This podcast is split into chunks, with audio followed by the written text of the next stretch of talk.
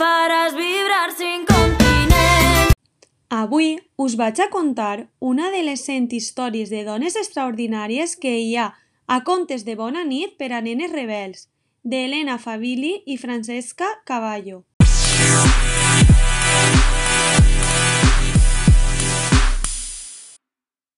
L'inventora Anne Makosinski va néixer el 3 d'octubre de 1997 a Canadà.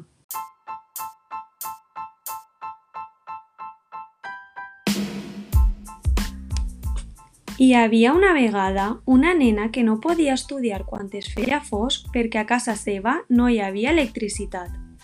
Un dia, la seva amiga Anne la va anar a veure i van parlar d'això. L'Anne tenia traça construint coses i li apassionaven especialment els transistors, els aparells que regulen el flux del corrent elèctric. I si inventés una llanterna que es carregués amb l'escalfor del cos? va preguntar l'Anne a la seva amiga. De fet, els nostres cossos desprenen molta energia en forma de calor. Les noies es van entusiasmar. Imagina't quanta gent podria tenir electricitat si això funcionés. L'Anne només tenia 15 anys, però ja tenia molta experiència desmuntant coses i tornant-les a muntar. Així que es va posar a treballar en aquesta llanterna nova i misteriosa.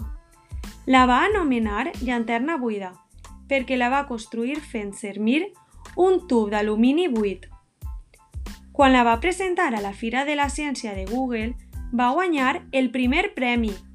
És la primera llanterna que no necessita piles, vent o sol, només calor corporal.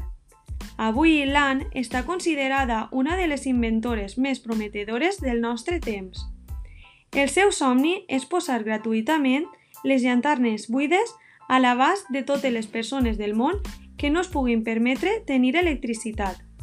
M'agrada la idea de fer servir la tecnologia per millorar el món i mantenir net el medi ambient, diu sempre.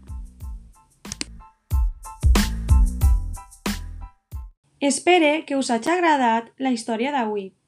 I per últim, somieu en gran, aspireu a més, lluiteu amb fermesa i en cas de dubte, recordeu, vosaltres teniu raó. Seràs aquella que va